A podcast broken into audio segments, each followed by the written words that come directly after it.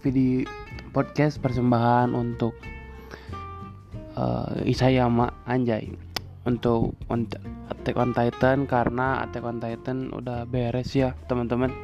Uh, ya seperti yang kalian tahu di chapter 139 di mana ya Eren mati. Uh, dan juga memang banyak ending yang uh, apa ya uh, ya pengen Erennya mati gitu ya. Tapi banyak orang juga yang ngerasa bahwa harusnya itu rambling aja ya bener-bener. Uh, jadi Erennya yang berkuasa semua mati gitu. Adanya gitu juga pengen.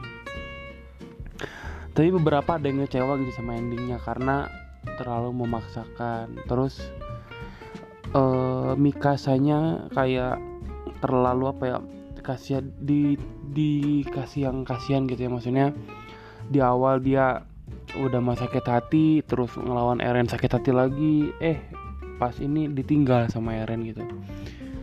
Ya yes, yang mungkin sebagai fanbase Mikasa yang di luar sana gitu ya ngerasa oh gak adil gitu perlakuan buat Mikasa gitu ya kalau menurut fanbase nya Mikasa. Tapi ya uh, memang kalau menurut gue sih kayaknya memang di uh, Isayama nih udah sengaja ngedesain karakter si Mikasa tuh kayak gitu gitu. Maksudnya kayak apa ya?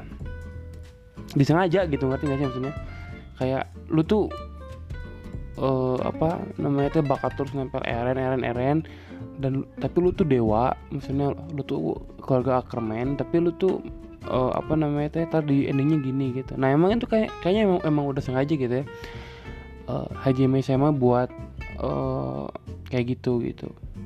Ya Sasa aja mati gitu ya. Emang Sasa aja mati Hanji aja mati gitu. Tapi emang menurut gue emang uh, pembuatan karakter Isayama-nya menurut gue bagus gitu ya. Ya uh, dia memang membuat karakter itu ya sesuai oh sini perannya cuman ini gitu. Kayak gitu. Jadi nggak ada kayak peran uh, yang diistimewakan kecuali Rainer gitu.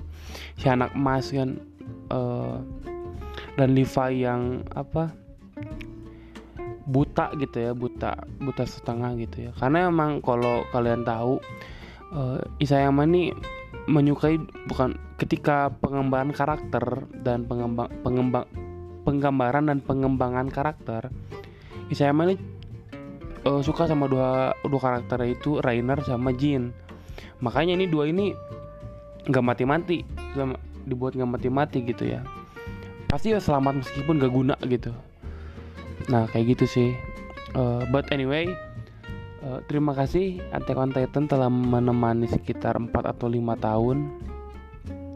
Sungguh yang luar biasa.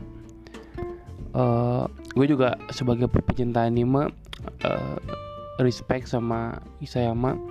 Entah ntar dia bikin ending baru atau ending gimana gue gimana dia.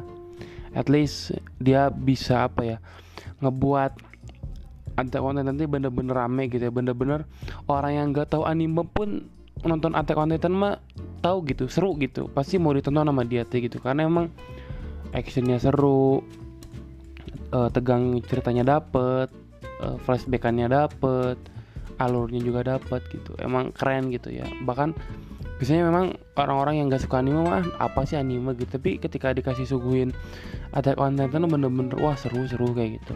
Banyak komen yang positif gitu ya uh, terhadap Attack on Titan gitu. Meskipun ada beberapa pecinta anime yang udah mungkin senior merasa bahwa endingnya kurang gitu ya. Ya itu kembali lagi pada pribadi masing-masing ya kayak gitu sih oke okay?